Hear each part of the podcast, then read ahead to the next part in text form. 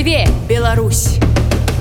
вяртаемся ў студыю радыо унет пры мікрафоне для вас по-ранейшаму працуе роман жданович нагадаю что слухаць нас можна праз інтэрнет на старонцы нет фм у літве у паўночна-заходняй беларусе мы доступныя на хвалях радыё знадвіле а таксама у польше у фм дыяпа зоне у варшаве беластоку кракаве рославе шчэціне любленне лодзе ды быдгашы на мінулым тыдні ва украінскай бучы адбылося ўрачыстае ўзнагароджванне ваяроў абараняўшых горад на пачатку расійскае ўварванне ў лютым гэтага года. Сярод атрымаўшых узнагароды былі і беларусы з палку каліноўскага. На фото з урачыстасцяў можна заўважыць маладога крэпкага хлопца з пратэзам на назе. Гэта Алексей з пазыўным псіхолог ён распавёў для радыё унет сваю асабістую гісторыю і падрабязнасцям таго боя у якім загінуў ягоны пабрацім Ілья ліцвін і за які яны пасля атрымалі ўзнагарода таксама пра тое што не варта ставіцца да рускай арміі як да непрафесіянальнай і няздольнай слухайте размову з алексеем у падкасці неверагодна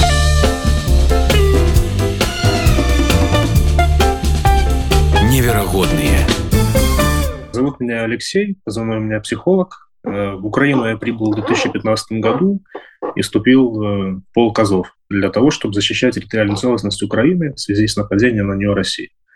Э, ну, до этого в Беларуси, в принципе, я не был ни в каких оппозиционных кругах, э, просто жил обычной жизнью. Ну, события, которые политически возникли, скажем, заставили меня поучаствовать активно уже. Потом, впоследствии, два года прослужил в полку Азов белорусами, друзьями, которые были организаторами полка Калиновского.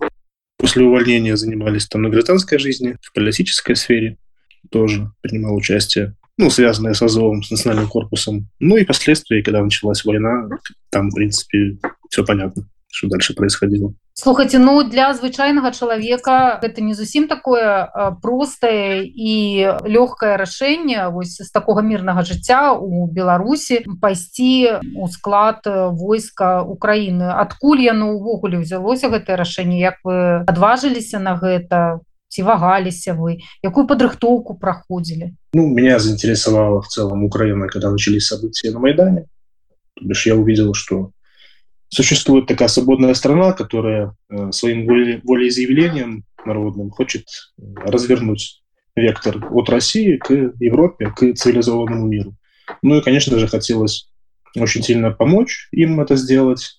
Но вот в тот момент у меня не было ни знакомых в Украине, ни друзей Беларуси, которые этой темой интересовались.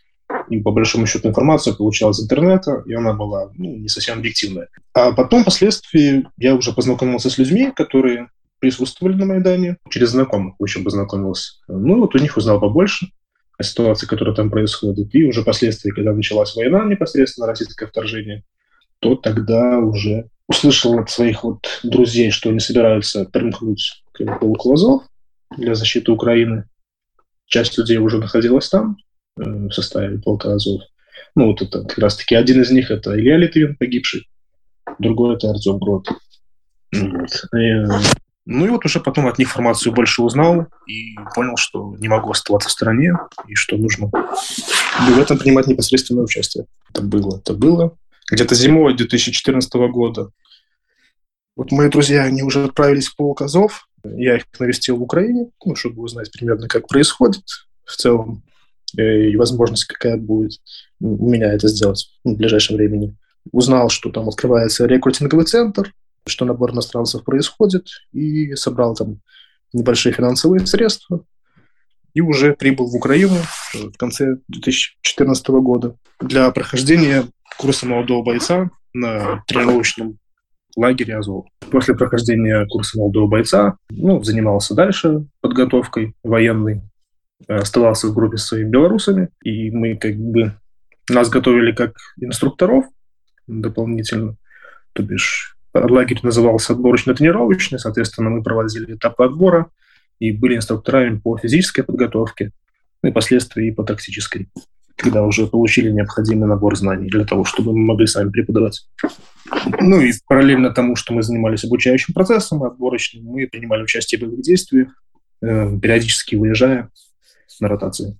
Вось гэтыя наратывы расійскай і беларускай прапаганды аб тым што азо гэта нейкае такое месца просто рассаднік э, фашызму там нейкіх таких вось поглядаў. Адкуль як вам падаецца гэта ідзе насколькі гэта адпавядае рэчаіснасці? Я маю на увазе там колькасць людзей якія прытрымліваюцца таких э, можа ультраправых поглядаў. Вось. І чаму менавіта вось ну як вам падаецца чаму менавіта азоў Ну гэта нейкая такая страшылка для прапагандыстаў?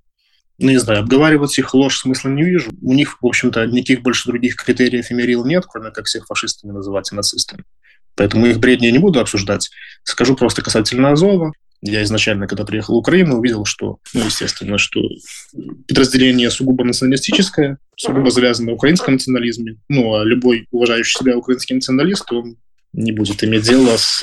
Ну, навряд ли у него будет симпатия какая-то к тому историческому периоду, когда его страна потеряла столько людей, столько людей было угнано в рабство. Все эти разговоры касательно национализма какого-то ультраправого, ультраправого неонацистского толка, ну, это же абсурд. То есть об этом нет смысла даже разговаривать. Особенно если учитывать, что у нас на КМБ, даже на моем присутствовало достаточно большое количество национальностей. Причем даже из Израиля были люди. Скажите, вось гэты ваш э, вайсковы досвед тады яшчэ на э, пачатку войны калі яна не была такой маштабнай ён быў увесь гэты час э, ці вы там бралі можа нейкай такі адпачынак і павярталіся да мірнага жыцця Ну как я и ранее озвучил в течение двух лет служил в полку Азов. Основная функция заключалась в том, что мы работали в отборочно-тренировочном лагере. Он находился в Киеве. Периодически, когда была возможность, мы выезжали на восток и там принимали участие в обороне Украины в составе подразделений, ну, там, союзных. Просто у нас там отдельно свое было подразделение, есть подразделения, которые, допустим, находятся на этих или иных позициях оборонительных на нуле, и мы вот ехали к ним и их подкрепляли. Впоследствии уже, когда в конце лета 2015 года Азов вывели на вторую линию обороны, по-моему. Соответственно, после этого доступ к, к нулю, он как бы закрылся. И мы уже тогда начали понимать, что нужно искать какую-то альтернативу, если дальше хотим воевать. Потому что Азов в этот момент руки очень сильно связывало правительство. Порошенко не сильно хотел, чтобы Азов мог какие-то регалии завоевать на защите Украины. Ну, это сугубо политическое дело было. Уничтожение всех добробатов и все остальное. Ну, это все риторика. Уже былое. И мы тогда после этого связались с другими белорусами, которые принимали участие в обороне Украины, в тактической группе Беларусь. Ну и вот какое-то время мои друзья вот находились в течение полугода, по-моему, после увольнения с полка, по-моему, 16 по 17 в Маринке, э, ну, принимали участие в обороне Маринки. Потом уже как-то занимались больше гражданской жизнью. Ну, я там э, участвовал в политической жизни национального корпуса, это приазовское политическое движение. Насколько война, літаральней сказать яе уже такая іншая фаза уварвання 24 лютага было для вас чаканым нечаканым? Ну все естественно понимали что развязка рано или поздно произойдет никто не, не знал конечно временные рамки этого но было ясно что Путин не молодеет и развязка все ближе ну, конечно, подобные полномасштабные войны мы там себе не сильно представляли, потому что ну, она логике не поддавалась. Но, судя по всему, русские не сильно логичные существа, поэтому сделали то, что сделали. Мы ожидали больше какого-то локального конфликта, лишь продолжение конфликта на Востоке, отжимание этих территорий путем референдумов и какого-то, ну, в общем, подобной, подобной ситуации. Там настолько полномасштабный, конечно, не сильно ожидали. Для нас это было таким небольшим удивлением. Ну, я не скажу, что мы были не подготовлены к этому. Уделены, но подготовлены. Можете вы опісаць вось ваши дзеянні калі вы даведаліся что ўварванне пачалося якія дзеянні вы прадпрынялі что что вы рабілі ў гэты час? Ну впрочем о том что будут полномасштабные мы уже узнали примерно ну вот в феврале. В целом даже летом. Даже летом да Просто там, видимо, они перенесли свои сроки нападения, но летом уже было отчетливое понимание того, что то есть война будет, и она будет серьезная. А зимой, ну, уже в феврале все стало ну, совсем очевидно, когда столько информации было различные Был план действий на случай начала полномасштабного, и мы сугубо придерживались этого плана и действовали. То бишь, когда я утром проснулся от первых взрывов, я сразу собрал вещи, жену отвез там э, к подруге и сам поехал на базу при Азове для того, чтобы уже формировать э, боевые группы для обороны вот, Киевской области, в частности. Тут у нас уже у всех было свое снаряжение, а оружие найти было не проблема. И вот уже в собранных группах э, под командованием азовских, азовских офицеров. В основном группы наши состояли из людей, которые уже имели опыт в боевых действиях и служили какое-то время, ну, различные периоды времени в полку Азов. Вот такими боеспособными соединениями мы уже принимали участие в обороне Киевской области. Ну, в различных местах. можете трошки падрабязней распавесці вось про гэты час? Где были вы и с чым вам давялося сутыкнуться? Ну, в первые дни была неразбериха немного. Как бы мы ожидали то там то там прорывов это были различные места в основном связаны с основными дорогами, которые идут в Киев, для того, чтобы их не могли отрезать и Киев взять кольцо, так как это было одним из планов России. Ну, то бишь, основные планы это были захваты аэропортов и создание кольца вокруг Киева для того, чтобы, для того, чтобы он в дальнейшем капитулировал. Сил у них для штурма в любом случае не было, но в кольцо они взять пытались. Первые дни мы были, мы занимали оборонительные позиции вот на этих главных артериях, которые к Киеву идут, а, но там прорывов не было в первые дни. Получается, потом после этого поехали на Васильков. Это главный был аэродром, где находилась военная зенитная часть, самое главное. И там обороняли вот, э, вот непосредственно аэродром, чтобы не было высадки десанта. Там ее не произошло, просто вот поразили ракетами территорию военной части и место, где самолеты заправляют. Там группы были диверсионные, но их уничтожили, в общем-то, достаточно легко, без нашего участия. Где-то вот в конце февраля, в начале марта мы поехали оттуда в Гастомельском направлении, занимали там оборонительные позиции. Таких сильных боев у нас там не было, по большому счету. Просто ожидали, опять-таки, прорывов, устраивали место для обороны. 2 марта нам сказали, что поедем в Бучу, ну, что там находятся русские, и что нужно будет с ними там предстоит в бой вступить. То бишь уничтожить колонны с техникой. С утра 3 марта мы выехали в направлении Бучи, прибыли, начали оценивать ситуацию, увидели кучу сожженной техники на улице вокзальной, в целом по Буче увидели, какие разрушения происходят, и что русские в момент были оттуда выбиты, по большому счету. Ну и там какие-то отдельные подразделения ныкались просто по дворам, их там находили и вылавливали. Части ЗСУ, которые там находились, и различные добровольческие соединения. И тогда к нам поступила уже команда, что фиксируется техника русская колонна в конце Бучи, Ворзеля. И мы направляемся туда для того, чтобы ликвидировать врага, остановить его продвижение в Бучу саму. У нас не было еще понимания, что 3 марта тогда происходило наступление. Для того, чтобы ну, полностью захватить Бучу, Ирпень, еще с Гастомелем наши войска отошли. Связь тогда, конечно, была не очень хорошая. И вот, и прибыв ну, на перекресток Буча-Орзель э, легким разведвзводом, ну, то бишь, были легкой пехотой, у нас были противотанковые гранатометы переносные, пулеметы и автоматы. То бишь, никакой техники у нас не было. Мы были на Э, Мерседесах спринтеры, бусики обычные, гражданские. Лишь прибыв туда, на этот перекресток, расположившись там, мы зафиксировали вражескую технику на расстоянии 700 метров от себя и какое-то небольшое скопление техники и лесопосадки тоже в том же направлении, на таком же расстоянии. Э, скорректировали по ним украинскую артиллерию, вот, но она их не уничтожила, и мы как бы заняли уже, ну, попугал, скажем так. Они поехали просто не по той дороге, по которой мы их ожидали, а другой, которая заходила нам во фланг. Получается, оборонительные позиции мы расположили как раз вдоль, вдоль обширной дороги, по которой ожидали их продвижения. Вот. Они поехали во фланг и уже принимали бой, мы фактически находясь в таком окружении. Естественно, что мы ожидали меньшее количество бронетехники, ну и в целом личного состава. У нас там было в целом где-то 25 человек азовцев и какое-то количество людей с 80-й бригады э, десантно-штурмовой человек 5, по-моему, было, что-то вроде того. Значит, приняли мы бой, увидели вот такое количество техники, которое у нас поехало, а это там десятки единиц техники, поняли, что против нас явно не звод противостоит, как казалось впоследствии уже, когда узнавали информацию. Потом это был БТГР целый, ну, то есть батальон тактическая группа. Ну, мы сразу же начали, открыли по ним огонь, когда увидели, что это русская техника, зафиксировали опознавательные знаки, уничтожили первые машины.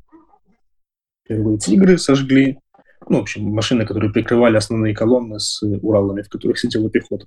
Уничтожили эти машины, уничтожили машины Росгвардии, которых, я не знаю, кто там ехал.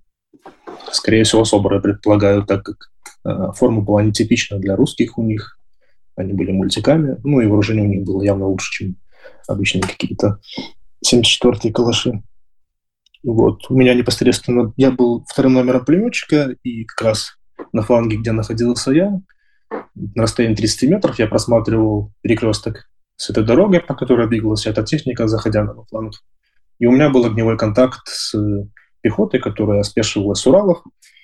Ну, так как первые машины были подбиты, они пытались занять укрытие и посыпались в разные стороны. Ну и, соответственно, Первый контакт у меня происходил, когда я уже зафиксировал эту пехоту и открыл по ним Подавив там, ликвидировав пару этих людей, которые вылезли оттуда, я побежал за своим пулеметчиком для того, чтобы усилить огнем этот фланг. Мы с пулеметчиком дальше заняли там позицию и уже ну, прекратили их попытки полностью продвижения в нашу сторону и сопротивления, скажем, на какой-то период времени. Потом, когда у нас стал заканчиваться боезапас, и по нам уже начала плотно прилетать ответкой, мы сместились сам центр виллы.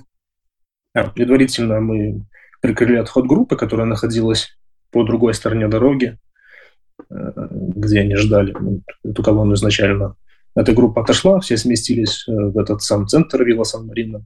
Небольшой отельный комплекс, там куча домиков различных э, с картонными стенами и стеклянными большими окнами витражными сместились туда. Я доложил информацию командирам о том, что происходило на нашем фланге, так как связь у нас вся рухнула. Их, ну, судя по всему, рэп заглушил.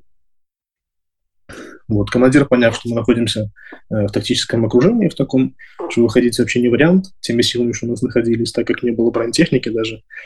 То бишь при выходе нас, скорее всего, просто уничтожили. Ну, поэтому было принято решение занять круговую оборону и уже как бы вести бой максимум. Ну, что мы и сделали. Вот. Ну, когда мы начали располагаться для занятия обороны, уже по нам начали работать с танка, у нас появились первые ранения.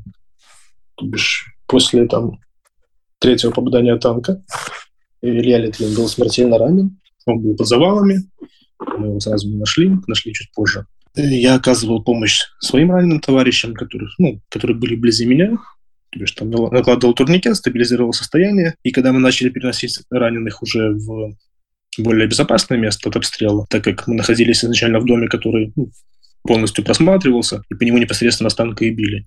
С этого здания мы сместились, и при смещении с этого здания в другое уже прилетел еще один танковый снаряд в трех метрах за спиной у меня. И у нас было ранено после этого где-то ну, около десятка человек. Ну, а там мне уже как бы много травало, я уже занимался непосредственно решением своих задач, то бишь ну, сохранением своей жизни. Наложил себе турникет, осмотрев место ранения, э, переполз в более безопасное место, ну и дальше там провел осмотр себя, чтобы не было нигде осколков. Ну и уже ждал распоряжения командира о том, что нам делать дальше, будет ли эвакуация, в целом будет ли она вообще. Ну, так как русские, в общем-то, опешили, не ожидая нападения на них, ну и понятно, что они не обладали информацией о том, что у нас находится там взвод, они как бы растерялись, и у нас был промежуток такой времени для этого, чтобы на тех бусиках гражданских, на которых мы приехали, мы раненых всех и вывезли. Тяжело раненых всех погрузили в эти бусики, ну и мы на полных скоростях втопили, в общем, оттуда уже в Ирпень уехали ну, в Бучу, дальше в Ирпень, дальше в Киев. По нашим машинам, которых перевозили раненых, велся неплотный стрелковый огонь. То есть бронетехника, к счастью, отработала до этого уже. У них были разряжены боекомплекты. Ну, вот нам повезло, оттуда выехали. Но при этом часть людей, вот с китом в том числе, она оставалась там и в течение 15 часов после этого еще принимала там бой. Ну, так как, опять-таки, я говорил, возможности выйти оттуда не, ну, не существовало до ночи, по крайней мере.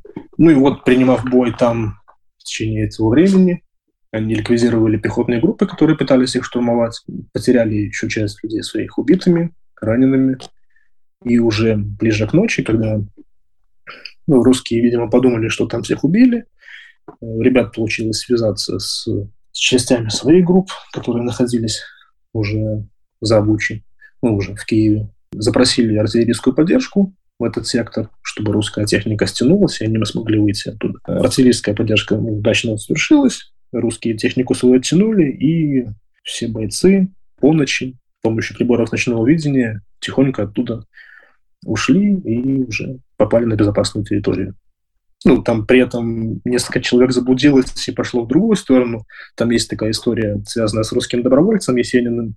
Ну, ее можно найти в интернете, как он рассказывает, как он потом после этого в Буч переводился в гражданскую одежду, попадал в плен два раза, вышел оттуда через три дня по итогу. Тоже все хорошо с ним. Русские войсковые кажут, что гэтая война для іх нечакана іншая А чым напрыклад там была чеченская кампанія тры чеченскія кампаніі Росіі і таксама баявыя дзеянні 14-15 году ва ўкраіне чым гэтая война адрозніваецца чаму яны так кажуць ну, потому что воевать с, с афганскими какими-то партизанами воевать с э, чеченскими партизанами и воевать с профессиональной армией это разные вещи разный уровень и совершенно разный подход требуется для этого так как Россия подход к войне не меняет то у них, в общем-то, поэтому проблемы возникают. Как бы вы охарактеризовали подрыхтовку российской армии? Техническая, ну, технической части, понятное дело, российская армия превосходит нас по многим параметрам. В части подготовки непосредственно самого боевого состава тоже достаточно высокая. Ну, было, к примеру, на момент вторжения. Думаю, в течение времени оно как бы хуже стало в связи с ликвидацией значительной части состава. Но в целом против нас воевала достаточно профессиональная армия, э, профессиональный боевой состав, но я бы не сказал, что у них профессиональное руководство, те, кто давали приказы, потому что ну, при подобном управлении любой, даже хороший солдат, он становится бесполезным, если его загоняют в такие, скажем, рамки, в которых воевать невозможно. Ну, то бишь этот миф о плохих воинских умениях русских солдат, он как бы, на уровне мифа остается. Естественно, против нас воевала профессионально подготовленная армия. То есть это не какие-то срочники, которые приехали на учение. Это люди, которые военным делом занимаются и прекрасно понимали, куда идут и умеют воевать. Ну, то бок усе гэтыя рассказы паланёных аб тым што яны не ведалі куды за чым шлі но большая частка гэта просто ну такая спроба зрабіць сабе палёгку ў палоне так Ну, конечно, человек, когда попадает в плен, может говорить все, что угодно. Естественно, не стоит ожидать от людей, что они будут признавать и раскаиваться в своих действиях. Они будут делать все, чтобы сохранить свою жизнь, для того, чтобы с ними к обращались как можно лучше.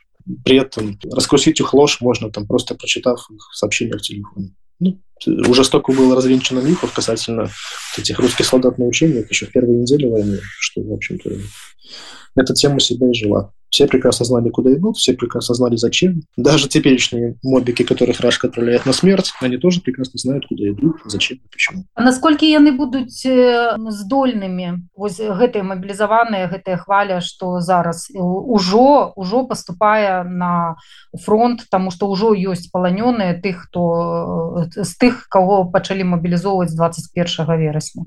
Для того, чтобы обучить состав, для того, чтобы сформировать какое-то боевое, боевое подразделение слаженное, впервые нужно подготовить личный состав, то бишь дать базовую подготовку тому или иному мобилизованному гражданскому, это занимает какое-то время, ну, условно, пару месяцев, для того, чтобы какие-то начальные разы дать. После этого идет уже формирование непосредственно э, подразделения, допустим, его специальность военная. Ну, кто непосредственно. Если он управляет какой-то техникой, для того, чтобы управлять техникой, ему нужно учиться управлять. То есть просто какой-то обычный пекарь или там менеджер, которого мобилизовали, он уже не сможет управлять ни танком, ни бронетранспортером, ни минометом, ну, с ним миномета работать, ничего подобного. Он может быть стрелком-пехотинцем, но стрелок-пехотинец, он как бы бой не выигрывает на одних стрелках-пехотинцах. А, опять-таки, ну и тем более тоже на подготовке, у него там солдаты штурмовика точно не будет. После этого проводится боевое слаживание подразделения, да непосредственно уже они вместе учатся работать. И это все занимает достаточно длительный период времени, и это явно не происходит за две, там, три недели, как это пытаются, как их сейчас кидают на убой. В общем-то, это все прекрасно понимают, в том числе и русская армия. Ну, боеспособность таких подразделений она будет невысокая, но, с другой стороны, они как минимум этим составом смогут разгрузить э, другие боевые подразделения от определенных функций, связанных с обеспечением тыла. Потому что еще самое важное в армии – это обеспечение тыла. Всегда 70% – это тыл, 30% – это непосредственно части, которые находятся в боевых столкновениях. И чем в тылу лучше происходит, тем лучше воюют боевые части. Поэтому, ну, конечно, можно там смеяться с этих мобиков, которых туда посылают, но по факту, если там их бы правильно применяли, то это всегда является проблемой ну, увеличение состава. Скажите, калі ласка, Як вы плануеце зараз сваё жыццё з улікам таго, што ўжо ёсць такое сур'ёзнае параненне, ці ці будзеце вы працягваць прымаць удзел у нейкіх баявых дзеяннях, ці ўжо вы будете ну, нейкім іншым чынам дапамагаць Украіне перамагаць? Для того, чтобы скажем, воевать, как раньше я воевал, требуется определенный вид протеза, который стоит определенные суммы денег, которые, ну и, скажем, определенного этапа навыков обращения с ним. Поэтому речь пока об этом не идет. Э, в дальнейшем посмотрим, как будет ситуация развиваться. Но в целом я уже с мая месяца э, занимаюсь дальше военным делом. Ну, то бишь, э, непосредственно не на фронте, а вот здесь, в тылу, определенные функции как военного выполняю. тое аб чым кажуць ну, большая колькасць беларусаў якія зараз змагаюцца на тэрыторыю Украіны перамога Украіны гэта шанец для Беларусі таксама пазбавіцца ад рэжыму лукашэнкі Як вы бачыце на насколькі гэты наратыў насколькі гэты тэзіс жыццяздольны ну, нужно отдавать себе отчет находиться в реальности то война затянется надолго Россия даже если будет терпеть серьезное поражение ну условно там отойдем, отойдем до территории их, заберем полностью свои. Это загнанный зверь в, в угол, он ничего хорошего себя не представляет. Объективные последствия от этого оценить пока не представляется возможно. В целом, если будет даже какая-то пауза в этой войне, она будет вся э, использована Россией для того, чтобы переподготовить личный состав, ну, дальше воевать с Украиной. То есть эта война не на месяц, не на два. Ну, она уже идет в течение 9 лет, как сколько, 8 чем-то лет почти 10 лет, да. И будет продолжаться еще определенное время. Поэтому там о Беларуси сейчас речь вообще не идет. Беларусь народ должен понимать, что как бы тут нечего ждать, тут нужно уже самим что-то делать. Чем быстрее люди начнут понимать, в какой ситуации они находятся, тем лучше. Ну, естественно, если у России амбиции с Украиной связаны полностью закончатся, то следующая на очереди будет Беларусь. Понятно, что даже сам Лукашенко это понимает. Поэтому старается играть как может потому что его правление находится ну, на грани. Шанс того, что Россия сделает это очередным каким-то своим протекторатом, полным уже со своим непосредственным направлением, а может полное присоединение, ну, достаточно высок. Это все понимают. То есть нужно же выезжать за счет чего-то, если народ поймет, что ты войну в Украине проиграл. Ну, тут Беларусь рядом находится.